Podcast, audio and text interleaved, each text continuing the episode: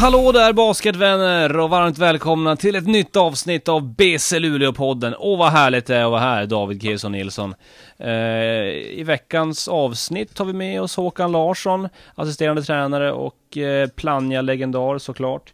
Eh, men eh, till att börja med vill jag bara säga, hej David, vad kul att du är tillbaks. Tack så mycket, hej, hej. Varför är du aldrig med i podden längre?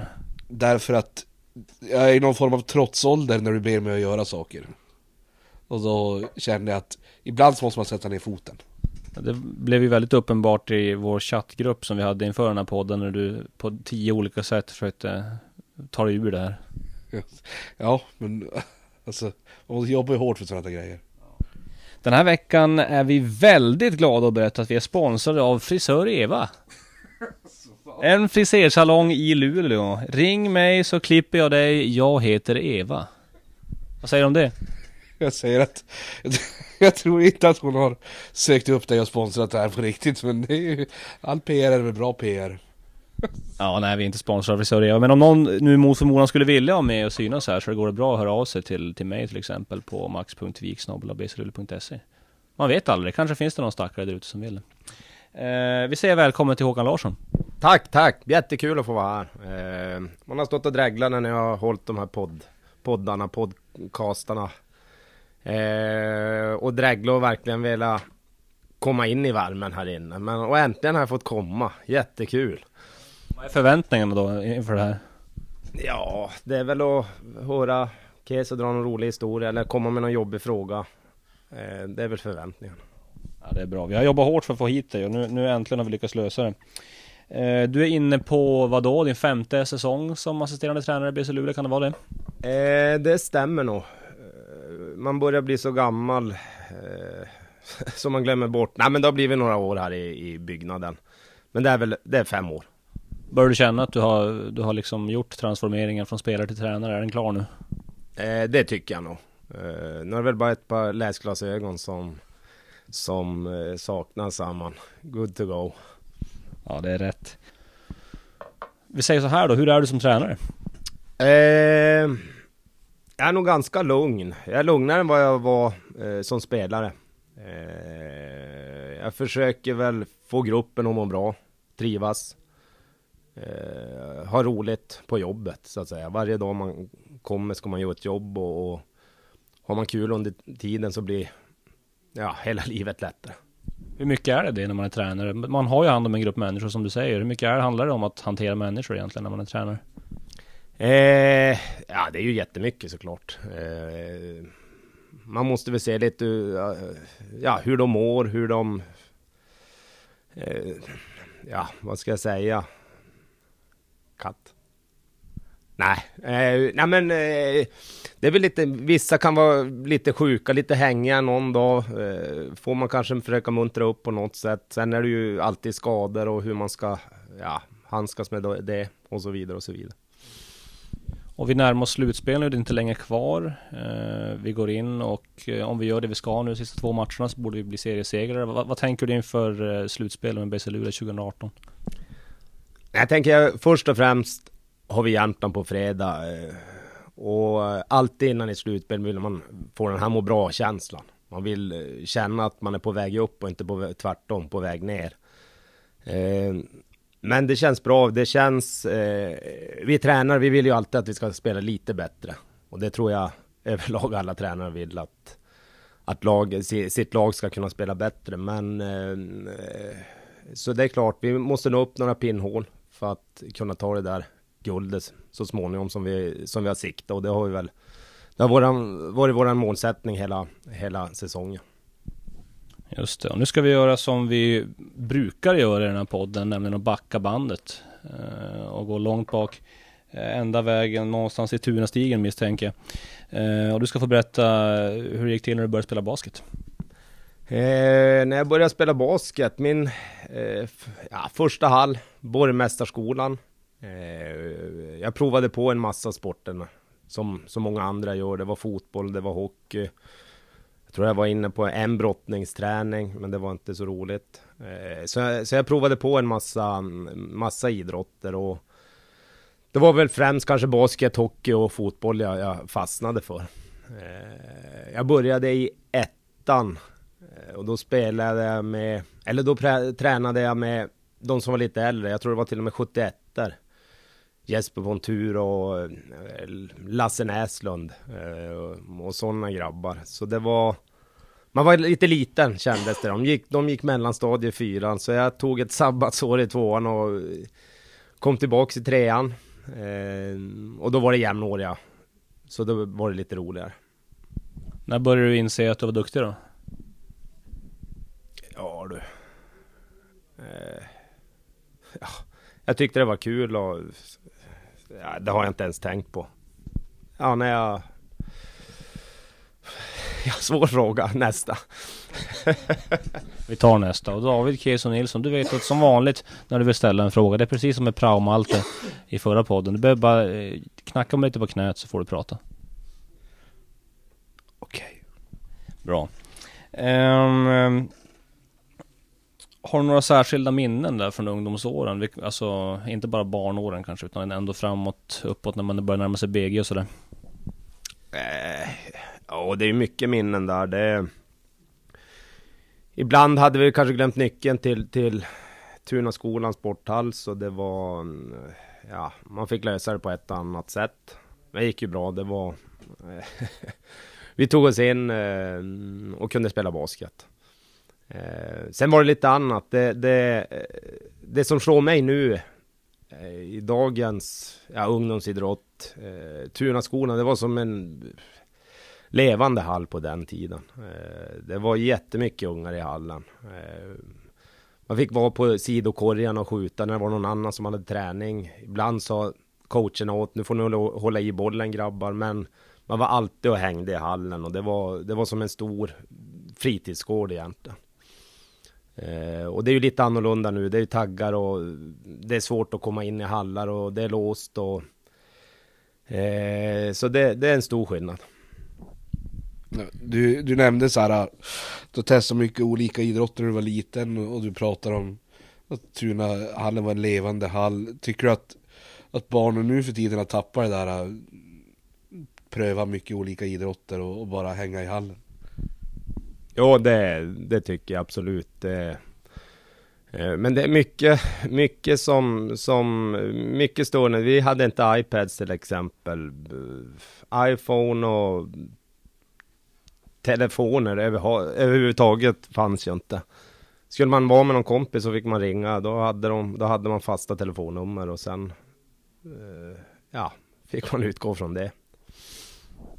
Du spelade med Vråken antar jag då. Eh, var ni ett bra ungdomslag eller hur står ni er? Eh, jo, vi var ganska bra.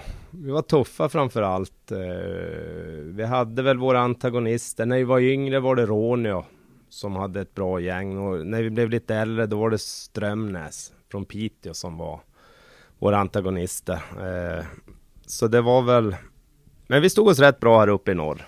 Sen var det lite tuffare när vi var nere och spelade Malaco Cup hette den på den tiden. Ungdoms-SM eller vad man ska kalla det. Då, då var det lite tuffare. Och sen eh, någon gång där efter nian var det dags att söka till BG. Eh, rätta mig om jag har fel, du kom inte in till att börja med, eller hur var det där? Mm, eh, jo, jag sökte efter nian som så många andra. Eh, och jag blev, var det tredje, andra reserv kanske? Eh, av åtta. Eh, så då bestämde vi oss att eh, Eh, ja, vi skulle satsa vidare med, med Vråkengänget. Vi fick lite spelare från Höken.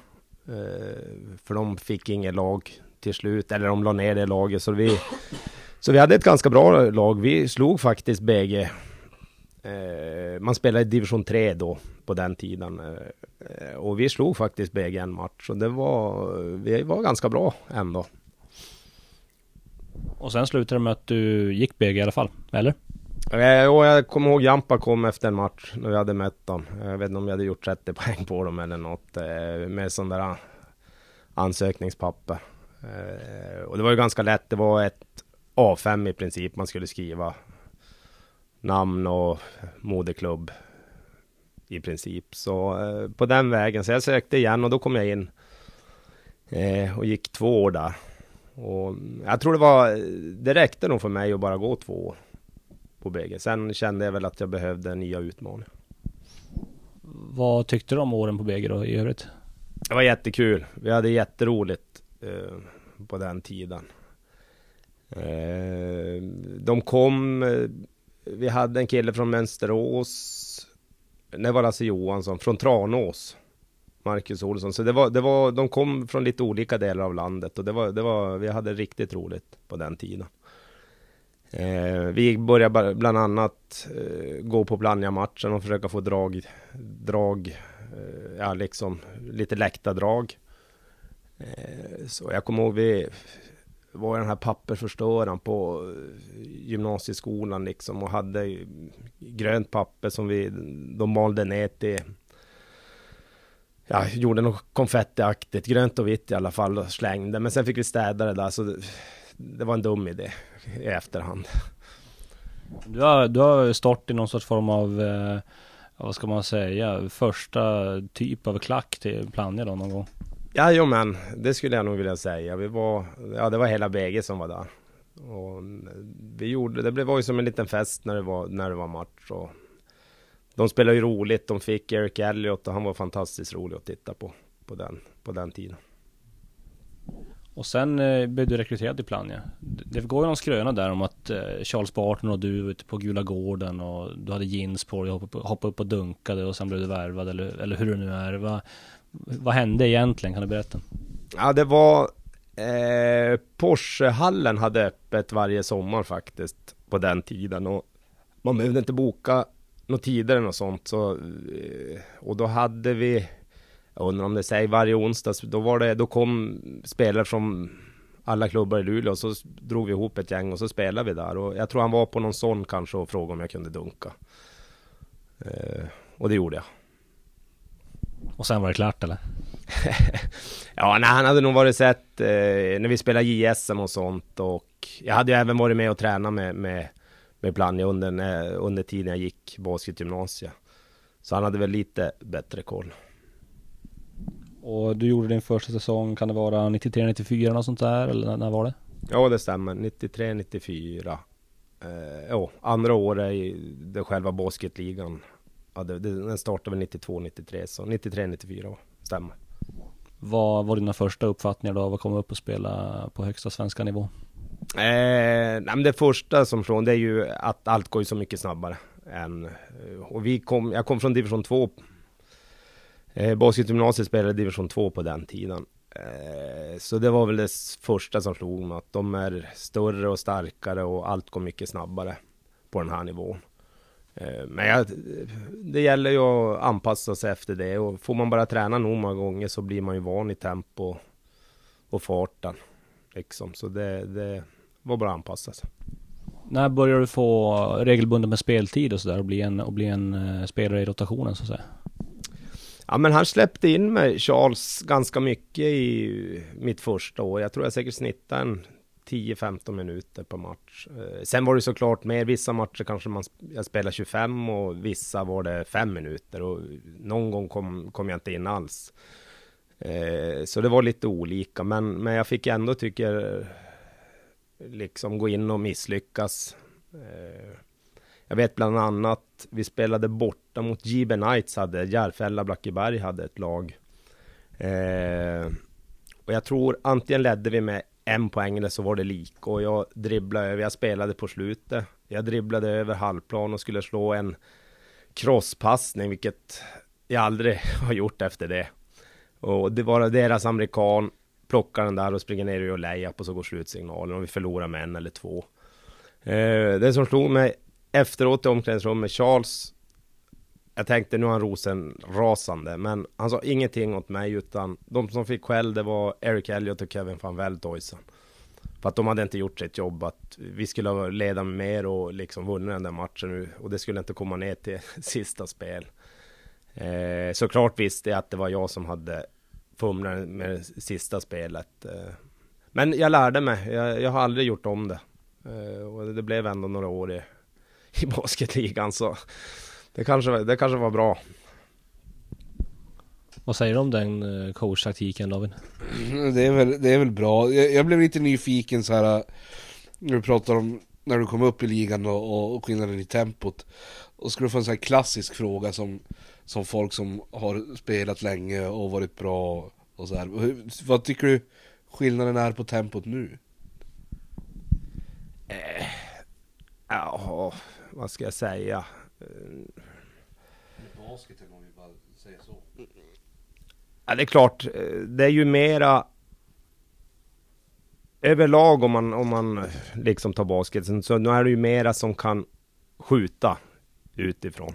Stora spelare såväl som små. Eh, jag tycker ännu, det svåraste ska jag säga när man kommer in som ung, och det tycker jag ännu, än idag, det är just försvaret. Det är lite tuffare att spela försvar när man när man kommer upp på en högre nivå.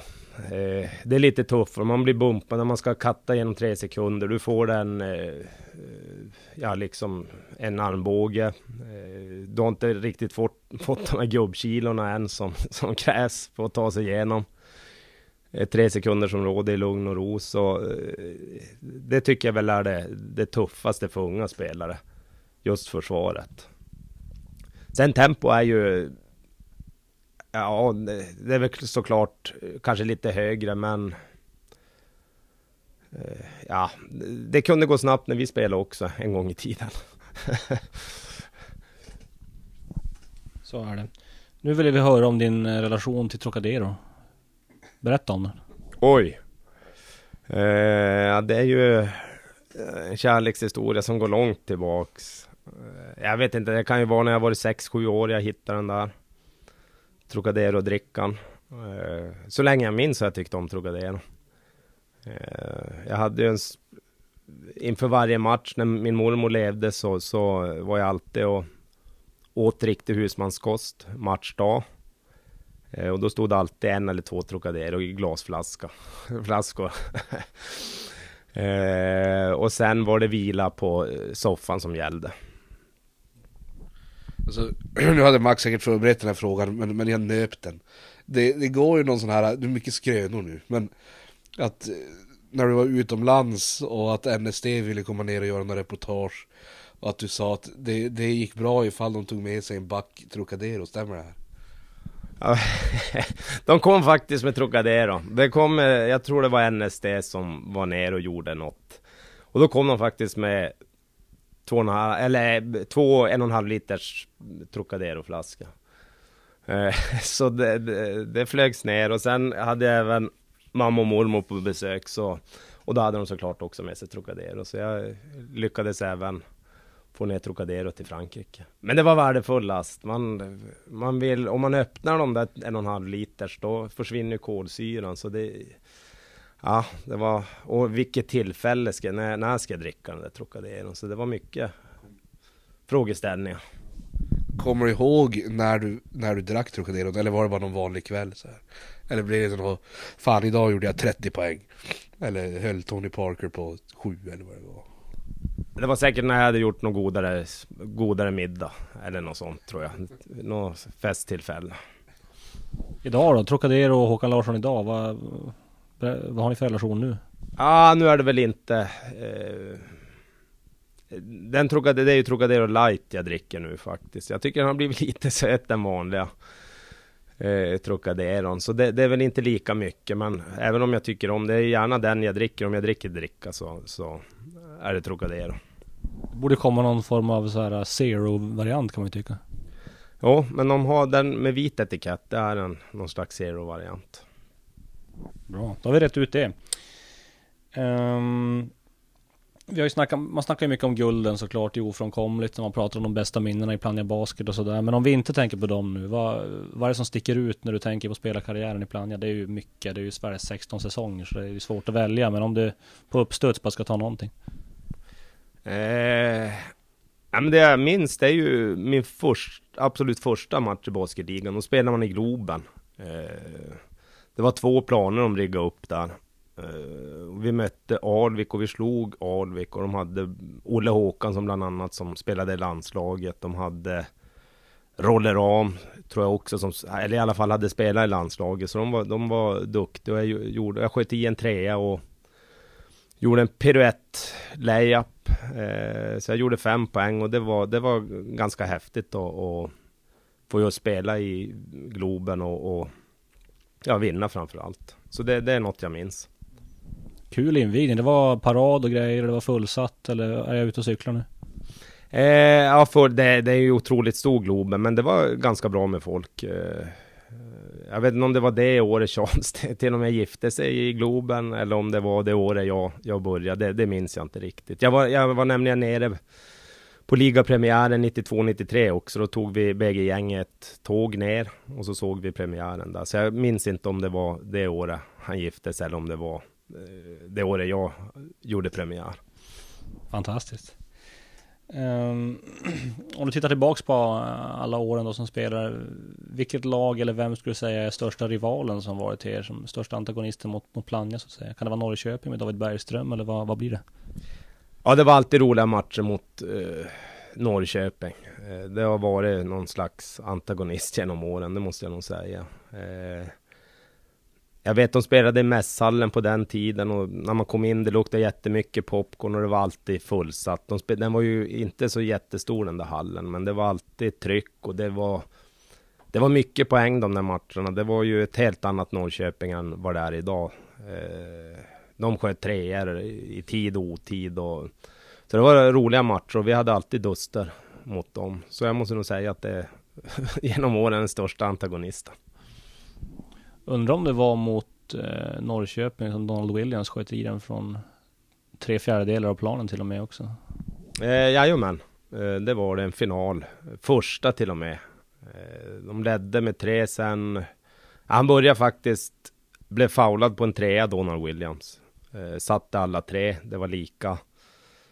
G. Gervin som numera coachar i Stockholm jätteduktig amerikan. Gick lite för tidigt kanske. De hade sista skott och han gick väl när det var sju sekunder. Fick iväg skottet kanske på fem, fyra sekunder. Missar lite kort. Donald får den och skickar den. Eh, ja, det var ju från våran straffkastlinje i princip, så det var, det var sjukt.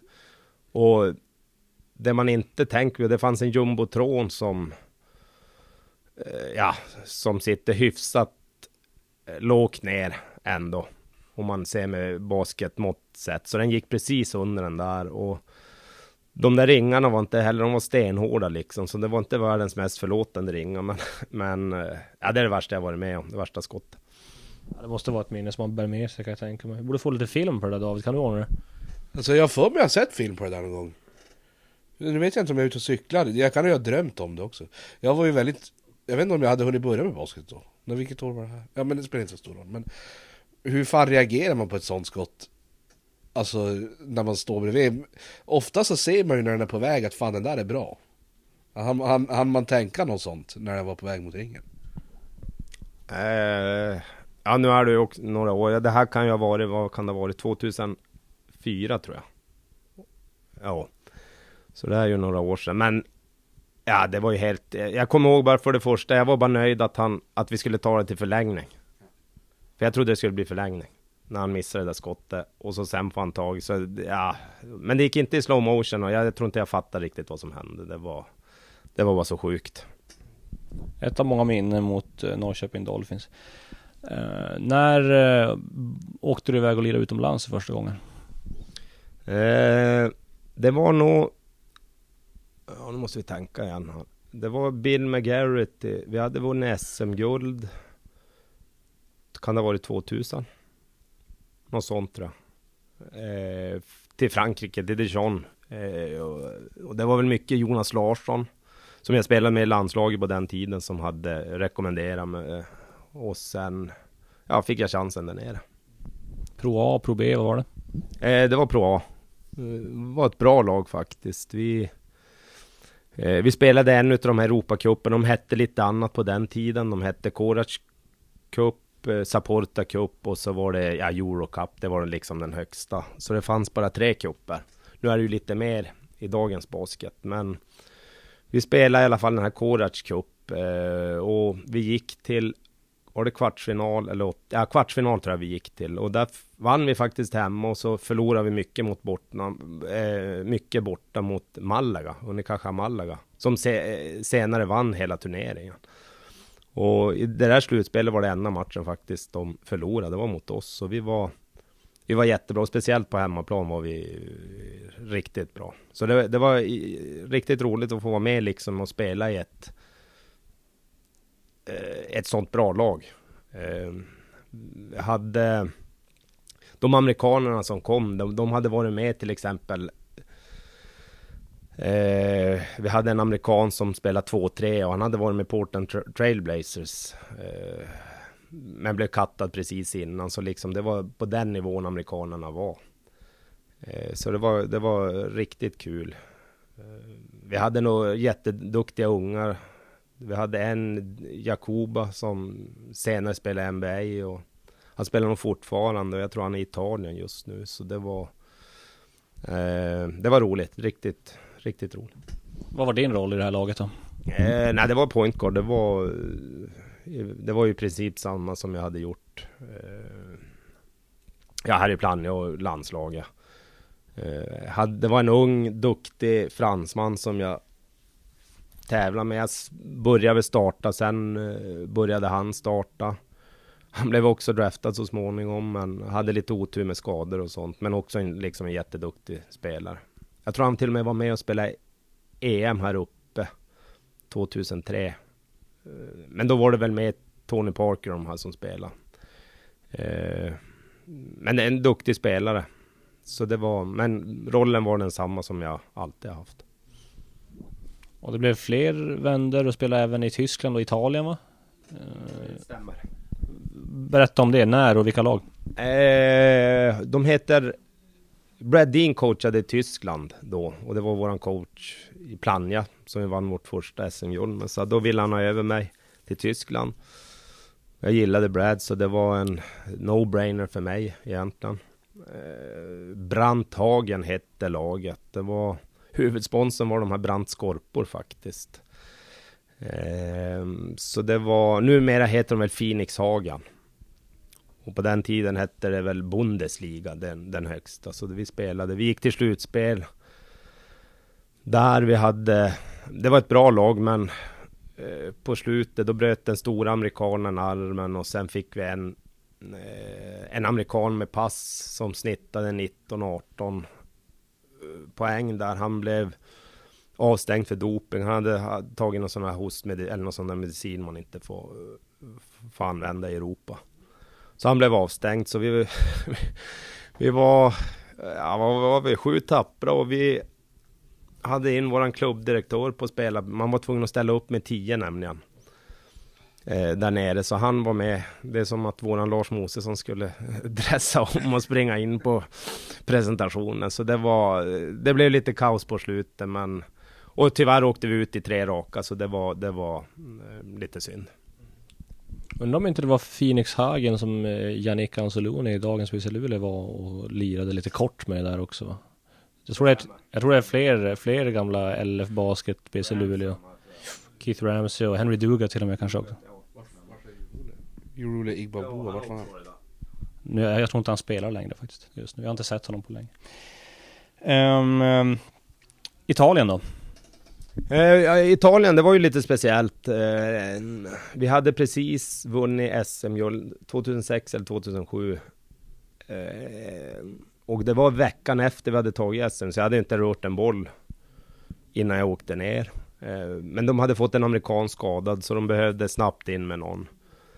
Eh, så då fick jag chansen och det blev ju eh, slutspel i princip på en gång. Eh, och det är, det är nog det tuffaste jag har gjort. Allt var på italienska och det var en playbook. Man skulle lära sig alla spelen som var ganska tjock. Eh, och när du börjar, måste tänka ute på basketplanen, när det inte sitter liksom i ryggmärgen, då, då eh, du tappar någon, några hundradelar och då kan det vara för sent, den passningen du vill slå. Eller när du ska attackera skottet eh, och så vidare. Så det var, det var tufft, men det var, det var lärorikt. Gick det för er i slutspelet då? Eh, ja, det var ju som... Eh, man spelar bäst av fem där nere. Man spelar... Vi var lägre rankade än de vi mötte. Eh, man spelar två borta, två hemma och så skulle det bli en femte då hade varit... Eh, ja, en borta då så att säga. Eh, så vi förlorade... Ja, första matchen Eh, förlorade vi ganska jämnt ändå, så här, förlorade med 6-7, men dock en förlust. Sen när jag kom ut tillbaks, det är ju eh, en annan kultur där nere. Då står materialförvaltaren och viker ihop i omklädningsrummet och viker ihop eh, handdukarna med en cigarett i, i, i käften. Jaha, ja, ja, det är väl så här det går ut. Så ska jag gå ut och duscha.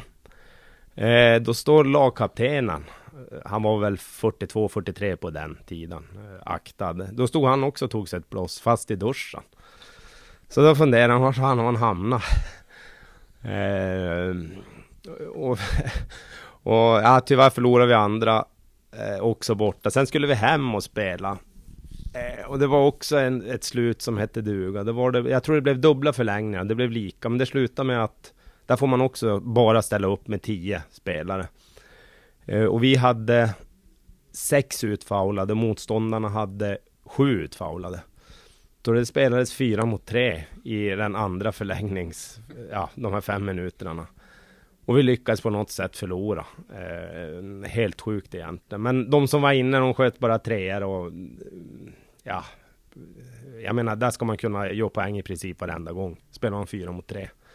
Jag tror jag spelade 11 minuter så var jag utfaulad den, den matchen. Så det, Eh, men det var också en upplevelse som hette duga. Det var en ambulans, vi fick avbryta den matchen. Då var det, de är ju rätt hetsiga där på, på läktaren. Då var det en äldre farbror som fick någon hjärtattack eller något. Så ambulansen var in och det var ett jäkla pådrag där inne. Så det var, eh, ja, det var en upplevelse. Ja, det kan jag tänka mig. Um, sen har det blivit ett gäng år i landslaget för din del också. Uh, när debuterade du i landslaget? Kommer du ihåg det? Eh, det, oh, 97, 98. Jag kommer ihåg matchen. Det var mot Belgien borta och det var tydligen en viktig match. Då hade man inte riktigt, men jag, vad kan ha varit? 22, 23 eller något sånt kanske? 90, ja något sånt måste jag nog ha varit. Eh, och vi vann den matchen och det var något EM-kval och för att slippa något kval neråt så var vi tvungna att vinna den matchen och det gjorde vi. Och även där, jag tror jag spelade 15 minuter, hade fem poäng och, och sen blev det några till. Eh, han väl ha fyra förbundskaptener under den tiden. Bästa landslagsminnet då? Oj. Eh, tyvärr har man ganska många eh, dåliga. Det har varit mycket sådana hedersamma förluster. Man förlorar. Åh, vad ni förlorar mot Italien borta med 5-6. Men det, det är dock, dock en förlust. Eh, däremot spelar vi mot Georgien bort och eh, i ett EM-kval. Och vi vann den matchen. Sen skulle vi, hade vi chartrat plan och då skulle vi spela i Sundsvall, sporthallen där mot Italien. De vi hade förlorat mot. Och då gick vi faktiskt och vann den matchen med alla deras storstjärnor. Så det, det var ett, då spelade vi otroligt bra liksom och ett bra minne. Vem är den bästa spelaren du har mött? Andrei Kirilenko har du väl mött och sådär. Vad, vad finns det fler för några? Eh, mötte eh, en försäsongsturnering nere i Tyskland. Eh, och då var det nog EM vi var ju inte med i det här EM-slutspelet, men Dirk Nowitzki eh, Eh, var med och spelade och eh, han var otrolig. Nu behövde inte jag matcha upp som tur var så mycket mot honom, men eh, vara så lång liksom och han var rolig och han sköt ju fantastiskt bra. Sen mötte vi Yao Ming. 2.32. som tur var behövde man inte matcha upp. Däremot behövde John Rosendahl och sådana här matcha upp mot honom. Men jag kommer ihåg att John vann uppkastet. Den matchen i alla fall. Men det var, det var också något... Ja, det var som ett monster. Liksom hans vade var... Jag satte ihop mina eh, lår, liksom båda låren. Och hans vade var större. Det var nog, ja, kopiöst groteskt. Ja, det förstår jag. Vem tycker du, eller vem är den bästa spelaren du har mött eller spelat med i ligan genom alla åren? Eric Hadley. Det är han alltså. Det är lite tråkigt svar tycker jag. Ja, men eh, han var ju absolut bäst. Han kunde ju skjuta, han kunde driva, han kunde passa.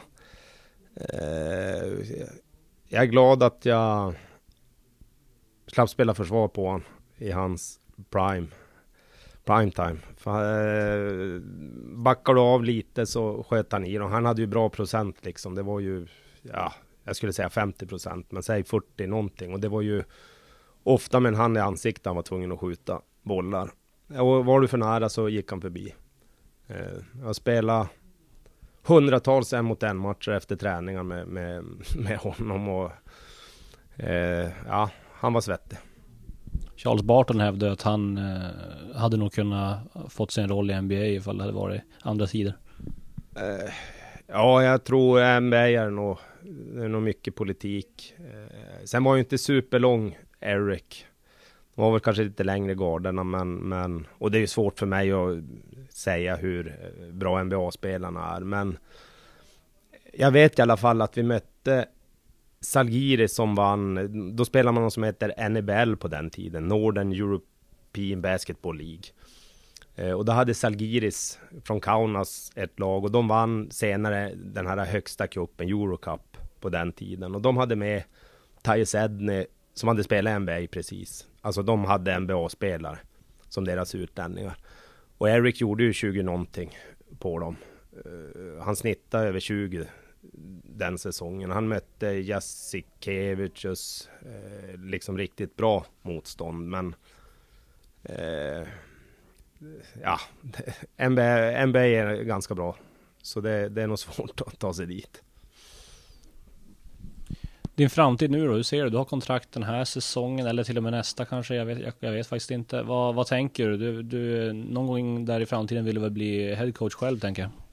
Jo, självklart eh, vill jag kunna styra styra ett lag eh, så småningom. Eh, när det blir och om det blir, det, det får väl framtiden utvisa. Eh, ja, det får vi väl se vad som händer. Vi får se vad som händer. David Keson Nilsson, har du någon avslutande fråga innan vi klappar ihop där? Nej men jag är ganska nöjd. Vi har fått med Trocadero. Vi har fått med tränarkarriären, spelarkarriären. Jag är... Vem, vem, förutom dig, vem är den bästa vråken genom alla tider? Oj. Eh, den jag såg upp till när jag spelade i Vråken var Lasse Näslund. En gudabenådad gard som Ja, jag vet, aldrig fick chansen i ligan. Han spelade många säsonger i division 1, men han är där uppe. Han är där uppe. Och sista frågan då. Hade du jeans på dig när du dunkade i Porsche-skolans hall, eller Porschehallen? Ja, vi säger det. Självklart. Jeans och tofflor, jag var där. Jag såg det. Det är bra. Då säger vi tack så mycket till Håkan Larsson och sagt till alla som lyssnat. Eh, David Kilsson Nilsson, du får inget tack. Men eh, vi säger ändå på återhörande.